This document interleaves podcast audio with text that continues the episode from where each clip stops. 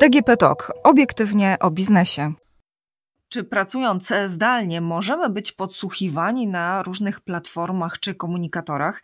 Dzień dobry, Agnieszka Gorczyca, Infor.pl. To kolejny odcinek podcastu Obiektywnie o biznesie Moja firma. Gościem odcinka jest Paulina Woźniak, prezes Coders House LLC i pomysłodawczyni komunikatora TalkLock. Dzień dobry. Witam serdecznie. Pani prezes, praca zdalna no, nie ma co ukrywać, wpisała się na dobre do naszego życia zawodowego. Pracujemy za pomocą różnych komunikatorów, spotykamy się na platformach, rozmawiamy, zapadają ważne decyzje. Czy możemy być tam naprawdę podsłuchiwani? Ja myślę, że my bardzo mało zwracamy uwagę dzisiaj na to, czego używamy w pracy zdalnej. Czy podsłuchiwani, nie popadałabym w taką paranoję, ale na pewno informacje, które przesyłamy sobie poprzez używanie różnego rodzaju komunikatorów, są gdzieś zapisywane i nie zawsze są to informacje, które powinny się na przykład znaleźć na tym komunikatorze, więc zachowywałabym tu ogromną ostrożność w tym, z kim rozmawiamy, o czym rozmawiamy i jakiego komunikatora czy jakiej aplikacji do tego używamy. Tutaj e, myślę, że wszyscy teraz e, mogą kojarzyć taką historię, która na samym początku minionego roku pojawiła się a propos takiej aplikacji używanej bardzo często Zoom. I tutaj się okazało, że te dane, tam gdzieś ten system nie był szczelny, to gdzieś to wszystko przepływało, później ta aplikacja ponownie wróciła przy nauczaniu e, zdalnym. Czy faktycznie tak jest, że tego rodzaju aplikacje czy komunikatory mają luki e, w bazach danych czy w tym oprogramowaniu, z którego my później korzystamy? Oczywiście, że tak. Informacja jest taka, że e, z Telegrama wypłynęły jakieś tam dane i później na Facebooku pojawiały się i były sprzedawane bazy danych za 20 dolarów za, za rekord. Słynna historia, kiedy dane wypłynęły z Facebooka. Pamiętajmy o tym, że Facebook jest właścicielem WhatsAppa, którego dzisiaj większość z nas używa. No to tak e, naprawdę, jeżeli e, prześledzimy sobie to wszystko, to czy są takie bezpieczne możliwości pracy zdalnej, komunikowania się, rozmawiania? No bo jak sobie teraz myślę, że wszędzie czyhają zagrożenia, no to aplikacja, poprzez którą my się nagrywamy, pewnie też do końca taka bezpieczna nie jest. Szczerze, nie znam tej aplikacji do końca. Nie wiem, jak, w jakim e, systemie, w jakim oprogramowaniu działa, jak działa, czy się zapisują dane na serwerach, ale, ale powiem Pani tak, robiąc badania przed e, przygotowaniem naszego tokloka, zbadaliśmy w pełni, co się dzieje i jakie są ewentualne luki na, na konkurencyjnym e, dosyć mocno rynku i rzeczywiście e, w większości te dane gdzieś są czy zapisywane, czy kumulowane, czy jest możliwość na przykład dostania się do danej aplikacji, co samo mówi e, przez się, że właśnie używanie tych aplikacji powodowało, że tak jak mówię, afera na Facebooku czy, czy naszego Telegrama. Poza tym wszyscy oficjalnie wiedzą, że dane na Telegramie zapisują się w Rosji na serwerach, tak? Więc ja e, osobiście używając czy prowadząc jakiekolwiek rozmowy, które wiem, że chciałabym, żeby pozostały w określonym gronie, nie używam tego typu komunikatorów w żaden sposób. Oczywiście poza komunikatorem, który sami napisaliśmy i my nawet jako właściciele nie, nie jesteśmy w stanie zapisać danych dwóch rozmówców czy trzech rozmówców, które tam e, się odbywają rozmów. Czyli w praktyce, w, mo w momencie, kiedy mm, dwie strony korzystają i chciałyby taką e, rozmowę nagrać, na przykład, jeżeli nagrywałybyśmy się za pomocą Tokloka, to znaczy, że nie możemy później pobrać e, plików z niego? Jak to będzie funkcjonowało? Nie zapisują się e, dane pliki. To nie jest tak jak e, w jeszcze jednym komunikatorze, który się pojawił na polskim rynku, że masz 30 dni na odzyskanie e, danych, które się zapisały w naszym, na naszych serwerach. Absolutnie nic się nie zapisze. Nie zapisze się rozmowa. Jest widoczne tylko i wyłącznie, kto rozmawiał, ale nie będzie zapisana ani rozmowa, ani czatowanie, ani wideo rozmowa mówię, nawet my, jeżeli bylibyśmy dla danego klienta administratorem danych, nie mamy do tego dostępu, to jest potrójne szyfrowanie. Tam e, użytkownicy, którzy prowadzą ze sobą konwersacje, wymieniają między sobą klucze, tak zwane klucze właśnie do, do zabezpieczenia, to znaczy w ogóle tego nie odczuwają, wymieniając klucze, tylko tak jest napisana aplikacja, już tak mówiąc dla, dla laika, że absolutnie nie ma żadnej możliwości, żeby się to w jakikolwiek sposób gdziekolwiek zapisało i nagle jakby ktoś przyszedł do mnie i powiedział, słuchaj, udostępnij mi dane z rozmowy tych dwóch osób. Ja po prostu ich fizycznie nie będę posiadała w żaden sposób. One się e, automatycznie będą kasowały po zakończeniu rozmowy? One się czy... nie będą w ogóle zapisywały, Pani Agnieszko. W ogóle nie ma takiej możliwości, żeby one się zapisywały. Nawet jeżeli to będzie w postaci czatu? Tak, tym bardziej jeżeli to będzie w postaci czatu. czatu. W żadnej formule one się nie będą zapisywały na, na żadnych serwerach, e, w żadnych plikach. Jeżeli Państwo prowadziliście e, badania do, do tego komunikatora, to proszę mi powiedzieć, jaka zatem jest skala e, zjawiska, kiedy takie dane wrażliwe są przechwytywane, kiedy takie rozmowy mogą być e, podsłuchiwane? Jakie tutaj jest ryzyko? Ja powiem tak, jeżeli chodzi o zwykłego szarego człowieka, to to, to jest skala właściwie bardzo, bardzo mała. Natomiast wiadomo, e, że jeżeli ktoś będzie chciał podsłuchiwać, czy, czy władze jakiekolwiek, czy będą miały jakąś potrzebę podsłuchiwania czy sprawdzania, jest dosyć spory. Natomiast nie mówimy tu jeszcze o hakerach, którzy mogą się dostać do, czy do telefonu, czy do komputera, czy, czy właśnie do danej aplikacji, żeby pewne rzeczy wyciągać. Tak? Więc tutaj ta skala, skala jest duża, ryzyko jest zawsze duże. My też nieroztropnie używamy różnego rodzaju aplikacji, bo ja tak na przykład jak rozmawiam dzisiaj z potencjalnymi naszymi odbiorcami, klientami, bo aplikacja lada moment pojawi się na rynku, wiadomo, że rzeczy, które są ściśle tajne, w ogóle nie powinny się pojawiać i w ogóle w żaden sposób nie powinny być udostępniane przez jakikolwiek, czy mail, czy komunikator, czy cokolwiek, tak? Ja bardziej mówię tutaj, że nasz produkt jest kierowany do, czy do biznesu, czy, czy, czy do instytucji, które mają potrzebę, żeby na przykład konkurencja nie przechwyciła pewnych informacji, tak, które w jakikolwiek sposób mogą wypłynąć. Tak? Bo dzisiaj, nawet jeżeli mamy sygnał, który potencjalnie po dwóch sekundach każdy do mnie mówi, no mam sygnał, ale po dwóch sekundach to y, rozmowa mi znika. Ja mówię, super, tylko ona ci znika z twojego telefonu, bo masz takie ustawienia. A czy zadałeś sobie pytanie, czy ona znika w ogóle z, z danej aplikacji? No i często ludzie o tym nie myślą, że to jednak można wyciągnąć i dotrzeć. Mam nawet znajomą, która kiedyś gdzieś tam Zostały jej wręcz przedstawione informacje, jak rozmawiała przez Signala, całe, całe konwersacje z, z drugą osobą. Czyli generalnie można powiedzieć, że skala tego zjawiska to absolutnie nie maleje, wręcz przeciwnie, rośnie, bo my może faktycznie jesteśmy przekonani, że tych danych nie ma, ale one jednak e, po prostu na tych serwerach w chmurach e, zostają i to już zostają na zawsze. Myślę, jestem przekonana wręcz, że, że, że zostają w jakikolwiek sposób. Ja mówię, swojego czasu robiliśmy bardzo duże porównanie różnych komunikatorów do, do naszego Tokloka. Przede wszystkim Toklok zmusza użytkownika do zablokowania aplikacji na przykład dodatkowym hasłem. Tak? Tutaj e, anonimowość jest, bardzo duży nacisk jest na, na, na to, żeby było, była duża anonimowość.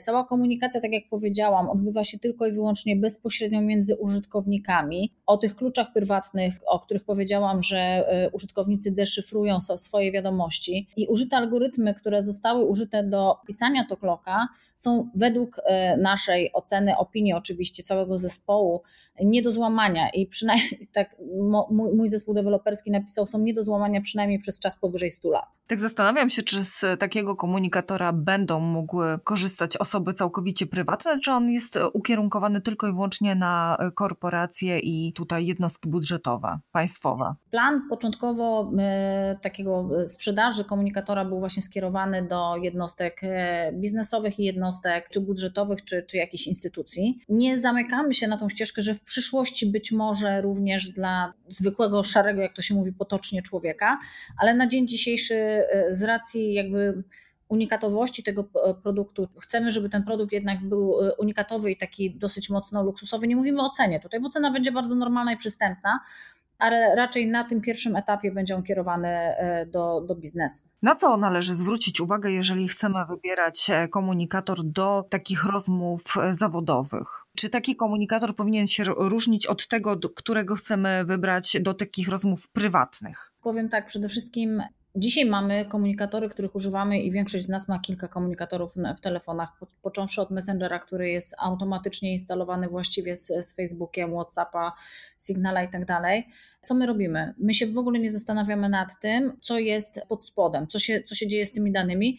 I nie ukrywam Pani Agnieszko, że wiele lat temu ja dokładnie popełniałam ten sam błąd, tak? kiedy to wszystko pojawiało się na rynku. Przede wszystkim instalujemy tego bardzo dużo na swoich telefonach i tu byłabym ostrożna, nie instalowałabym wszystkiego. Po drugie, nie instalowałabym wszystkiego, co jest bardzo ogólnie i darmowe i, i super dostępne, bo to nie zawsze jest dobre. Po trzecie, poświęciłabym tą chwilę czasu na to, żeby jednak wejść na stronę danego produktu i projektu i poczytać o zabezpieczeniach.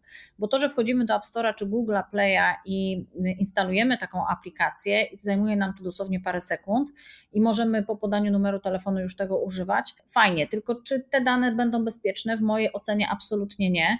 A często na stronach tych aplikacji, już jak się wejdzie, zagłębi się, czy przeczyta się regulamin, czy cokolwiek, oczywiście często on jest w e, obcym języku, można się dowiedzieć, że na przykład to, co wcześniej powiedziałam, że jeżeli będziesz chciał odzyskać swoje dane, masz 30 dni na to, żeby się do nas zgłosić, to świadczy już o tym, że jednak są w jakikolwiek sposób przechowywane, nawet jeżeli tylko z 30 dni. Ale to e, biorąc to wszystko pod uwagę, to tak naprawdę żaden z obecnie funkcjonujących takich no, popularnych i powszednich komunikatorów nie będzie działał inaczej, bo wszystkie, z tego co się orientuję, chyba działają na tej samej zasadzie. Tutaj e, jedyne co to byłam też zaskoczona tą informacją odnośnie Telegrama, bo wydawało mi się i takie zresztą też były przekazy informacyjne, że jest to jedna z bezpieczniejszych form komunikacji, no a tutaj się okazuje, że, że niekoniecznie, więc e, tak naprawdę z tych dostępnych możliwości, no to takich bardzo bezpiecznych to nie będzie, bo wszystkie działają podobnie. Podobnie są, są minimalne różnice, jeżeli chodzi na przykład o Telegram, zakres danych przechowywanych na serwerze,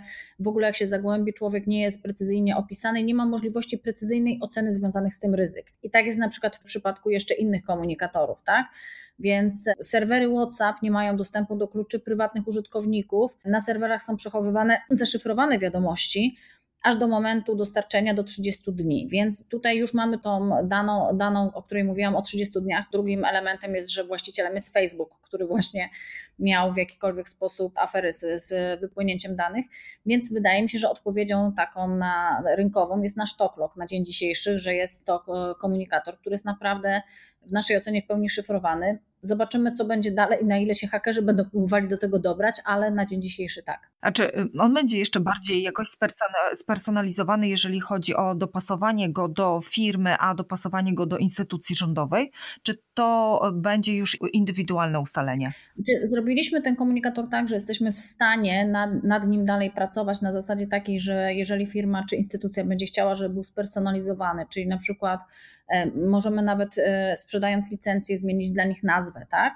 To, to jesteśmy w stanie nad nim pracować. Jest kilka odsłon językowych, więc on może funkcjonować na całym świecie. Nie jest tylko napisany w języku polskim, tylko ma nakładki różnych języków, więc, więc tutaj się też do tego dopasowujemy. Tak? Może być e, e, praca na zasadzie, że klient do nas przyjdzie, poprosi o zakup licencji, tak, taką umowę licencyjną, a może być też również klient, który powie: Słuchajcie, nie mamy własnego IT, chcemy, żebyście nam e, oczywiście za odpowiednią tam ułożoną czy, czy sumę, czy, czy, czy jakąś umowę nawiązaną, żebyście wymienili nim zarządzali. Ale ja cały czas będę powtarzała, nawet jeżeli my będziemy adminować dla, dla, dla danego klienta tą aplikacją, to my nawet jako, jako właściciele nie mamy absolutnie dostępu do tego, jakie tam się rozmowy odbywają. Jak Pani zdaniem, właściwie kto może korzystać z takich podsłuchiwanych rozmów, czy kto może mm, korzystać z takich danych, które zapisują się z naszych rozmów i czemu one mogą służyć? Ja Pani powiem, Pani Agnieszko, że prozaicznie zaczynając od tego, że na przykład ktoś zbiera e, i robi typowo dane statystyczne, że na przykład e, Facebook potrzebuje danych do pisania kolejnych algorytmów, bo w tej chwili jak wpiszemy sobie dzisiaj na Facebooku jakieś hasło, którego nigdy nie używaliśmy, na przykład mnie nie interesują krokodyle, a wpiszę sobie coś o, zapytam o krokodyle, to wiadomo, że przez następne kilka dni będzie mi się pojawiać informacja na Facebooku o krokodylach. Tak? Więc to są zbierane dane pod różnego rodzaju algorytmy, które później są wykorzystywane do tego, żeby na przykład nas zasypywać reklamami, na czym oczywiście dane aplikacje zarabiają. Mówię więc od takich prozaicznych możemy być sprawdzani, o czym rozmawiamy, czego szukamy, pozbieranie danych, jaka grupa wiekowa korzysta z danych aplikacji. To są, to są wszystkie tego typu dane, które dzisiaj dane to pieniądze, tak na dobrą sprawę. Poważne tematy, gdzie istnieje istnieje podejrzenie, nie wiem, dokonywania jakiegoś przestępstwa i instytucje prawne mają obowiązek wręcz, no to zbierają te dane właśnie poprzez różnego rodzaju sczytywanie danych, czy z telefonów, czy z rozmów, czy z maili. Tak? Pani Paulino, jeszcze na, na zakończenie naszej rozmowy chciałam zapytać o jedną rzecz, dlatego że wyczytałam tutaj w informacjach o Pani, że jest Pani współtwórcą kryptowaluty. Jakby Pani mogła przybliżyć trochę ten temat? Firma Coders House swojego czasu pracowała dla jednego z klientów i dla tego klienta napisaliśmy kryptowalutę, po prostu na blockchainie napisaliśmy chyba jako pierwsza firma w Polsce, napisaliśmy dla tego klienta kryptowalutę. Znamy się na kryptowalutach, znamy się w tym temacie, ale projekt został w pełni oddany do klienta i nie mamy z tą kryptowalutą już nic wspólnego. A jak pani ocenia e, szansę bitcoina? Będzie tym elektronicznym złotem, czy nie będzie? Czy bitcoin będzie elektronicznym złotem? Dzisiaj wiem, że e, bardzo wiele ludzi udało się zarobić ogromne pieniądze na, na bitcoinie. Sama e, się nie zapieram rękami i nogami przed, przed kryptowalutami. Na rynku azjatyckim ich jest ponad 1000, 1700, 1900 już chyba w tej chwili. Uważam, że siłą rzeczy elektroniczny pieniądz, elektroniczny zapis, który się e, pojawi, będziemy, będziemy zmuszeni używać go w przyszłości. Są dzisiaj kraje, które do wewnętrznych rozliczeń sobie napisały, tak, czy zakodowały kryptowalutę, żeby, żeby używać wewnętrznie.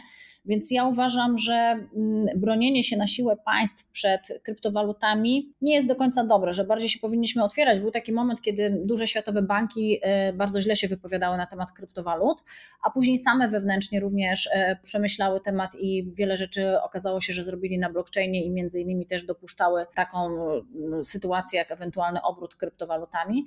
Więc ja myślę, że powoli my raczkujemy. Na świat, światowa skala, po prostu mówię nawet nie tylko o naszym kraju, ale raczkujemy w tym zakresie, ale to jest przyszłość, przyszłość, która chyba jest nieunikniona dla wszystkich. Czyli jednak to pożegnanie z gotówką e, może stać się realne. Niektórzy się tego bardzo obawiają, inni kurczowo trzymają się za portfele, ale tutaj się okazuje, i to zresztą nie tylko pani powtarza, e, że faktycznie ten pieniądz elektroniczny no, może wyprzeć papier, niestety. Ale dzisiaj, pani Agnieszko, e, mamy, każdy z nas ma konto w banku, bo musimy robić przelewy, tak? My na tym koncie w banku co mamy? Tylko elektroniczny zapis sumy, jaką posiadamy fizycznie nie obracamy tam pieniądzem, tylko to jest elektroniczny, elektroniczny zwykły zapis. Pieniądz posiadamy wtedy, kiedy mamy papierek, banknot w ręce, tak?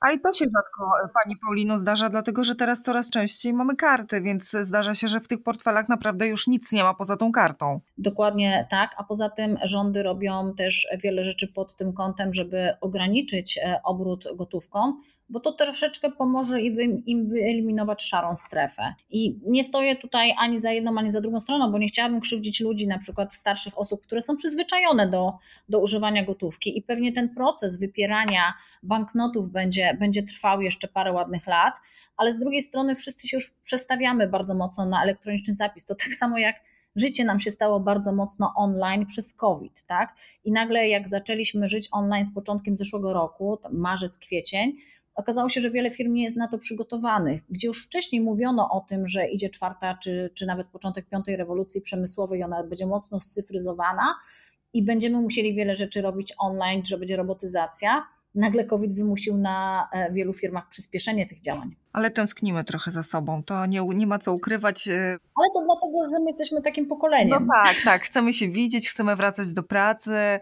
jednak te wideo, spotkania to nie jest to wszystko. No, jednak tego kontaktu takiego bezpośredniego e, no, brakuje niestety. Albo istety. Bo... Bardzo, bardzo, bardzo. Tylko pytanie, czy na przykład tej młodzieży brakuje, która dzisiaj prawie rok czasu spędziła ucząc się zdalnie. No, powiem pani szczerze, że y, tym młodszym chyba troszeczkę mniej. Oni już bardziej w tej elektronice i w tym świecie technologicznym no, są wychowani. Nam trochę brakuje tego bardziej, no ale tak czy owak wszyscy chcemy, chcemy wrócić do, do tej normalności. Zastanawiam się jeszcze tylko nad kwestią tych komunikatorów. Uważa Pani, że używać czy nie używać w takim razie, tak już na koniec? Używać, ale rozsądnie używać i nie używać wszystkich naraz i używać e, tylko ewentualnie do spraw, które nie są dla nas sprawami, które w jakikolwiek sposób mogą nam za, zagrozić, czy, czy, czy mogą w biznesie nam przeszkodzić. Używać oczywiście, bo używać wszystkiego, co jest dla ludzi, tak? To są, to są rzeczy, które są dla ludzi, ale po co nam 5 czy 6 komunikatorów w telefonie? Kompletnie są niepotrzebne. A nawet jeżeli, no dzisiaj, tak jak Pani wspomniała, utrudnienie, nie mamy spotkań, ale kiedyś używało się tylko do tego, żeby zadzwonić, porozmawiać i spotkać się, jednak porozmawiać o pewnych rzeczach, tak? Ale tak, używać. Dziękuję serdecznie za rozmowę. Gościem odcinka podcastu Obiektywnie o biznesie moja firma była Paulina Woźniak, pomysłodawczyni komunikatora TokLog. Dziękuję serdecznie za rozmowę. Dziękuję ślicznie. Do usłyszenia.